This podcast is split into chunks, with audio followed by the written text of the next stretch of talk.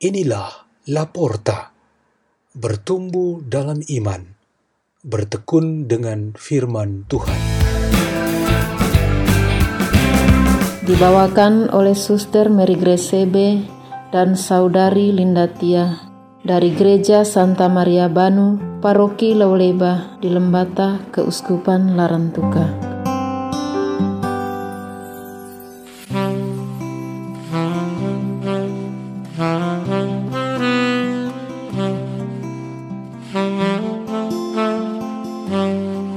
Bacaan dan Renungan Sabda Tuhan Hari Jumat Pekan Biasa ke-25 Tanggal 24 September 2021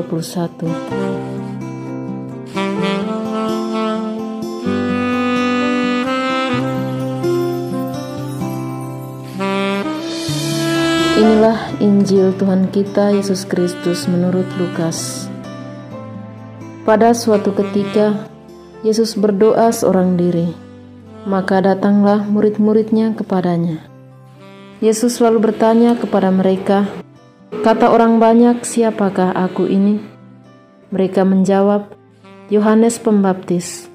Ada juga yang mengatakan Elia, ada pula yang mengatakan salah seorang nabi dari zaman dulu telah bangkit.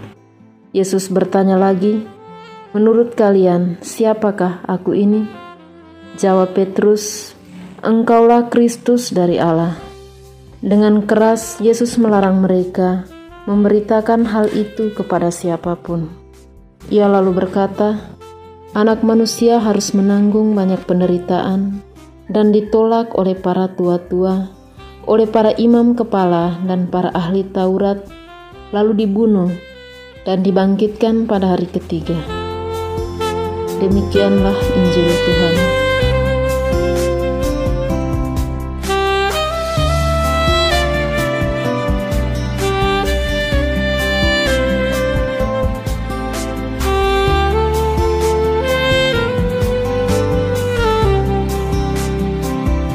Saudara-saudari yang terkasih dalam Kristus.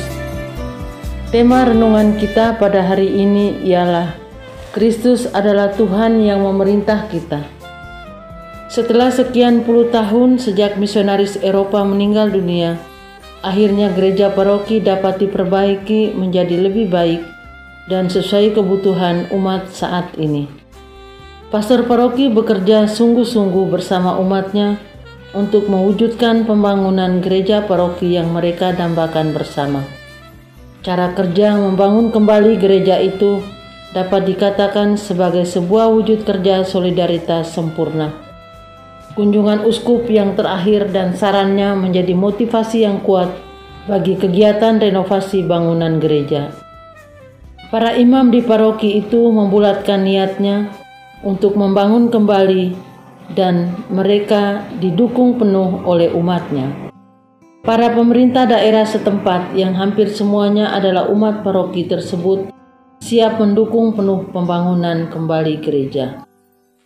Saudara-saudari yang terkasih dalam Kristus, ilustrasi ini mirip dengan yang dikisahkan dalam kitab Hagai sebagai bacaan pertama hari ini.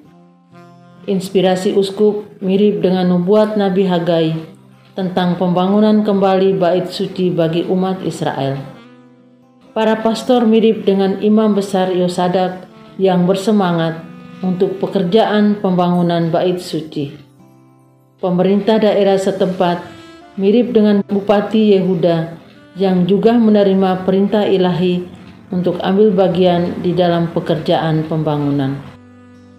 Meskipun di dalam kisah-kisah sejarah bangsa Israel hubungan antara ketiga kekuatan itu, nabi, raja, atau penguasa, dan imam, tidak selalu harmonis. Bahkan tragisnya selalu saling memusuhi. Namun Yesus dari Nazaret memiliki peran sentral untuk menyatukan. Ia memiliki gelar Kristus seperti yang diakui oleh Petrus di dalam Injil hari ini, supaya ia melakukan semua pekerjaan Bapa bagi seluruh dunia dan umat kesayangannya.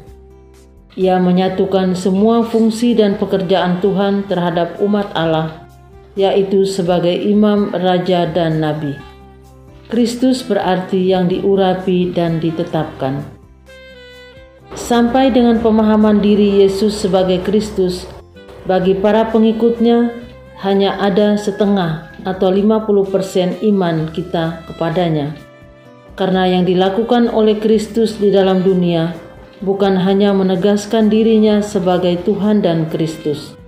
Setengah bagian lain yang ia perbuat ialah menyertakan kita para pengikutnya di dalam terselenggaranya kerajaan Allah di dalam dunia ini. Melalui pembaptisan dan sakramen-sakramen lain yang kita terima, kita berpartisipasi di dalam diri Kristus. Hasilnya ialah kita tidak hanya disebut para pengikut atau murid-murid, tetapi kita menjadi anak-anak Allah yang dikasihi Bapa. Yesus menjadikan kita saudara dan saudarinya sendiri. Bahkan di dalam semangat hidup Kristen yang asli, kita adalah pribadi-pribadi Kristus yang lain atau alter Kristus. Marilah kita berdoa. Dalam nama Bapa dan Putra dan Roh Kudus. Amin. Ya Tuhan Yesus, semoga kami tetap sebagai bagian dari dirimu di dalam hidup kami. Kemuliaan kepada Bapa dan Putra dan Roh Kudus, seperti pada permulaan, sekarang, selalu, dan sepanjang segala abad. Amin. Dalam nama Bapa dan Putra dan Roh Kudus. Amin. Porta, la porta.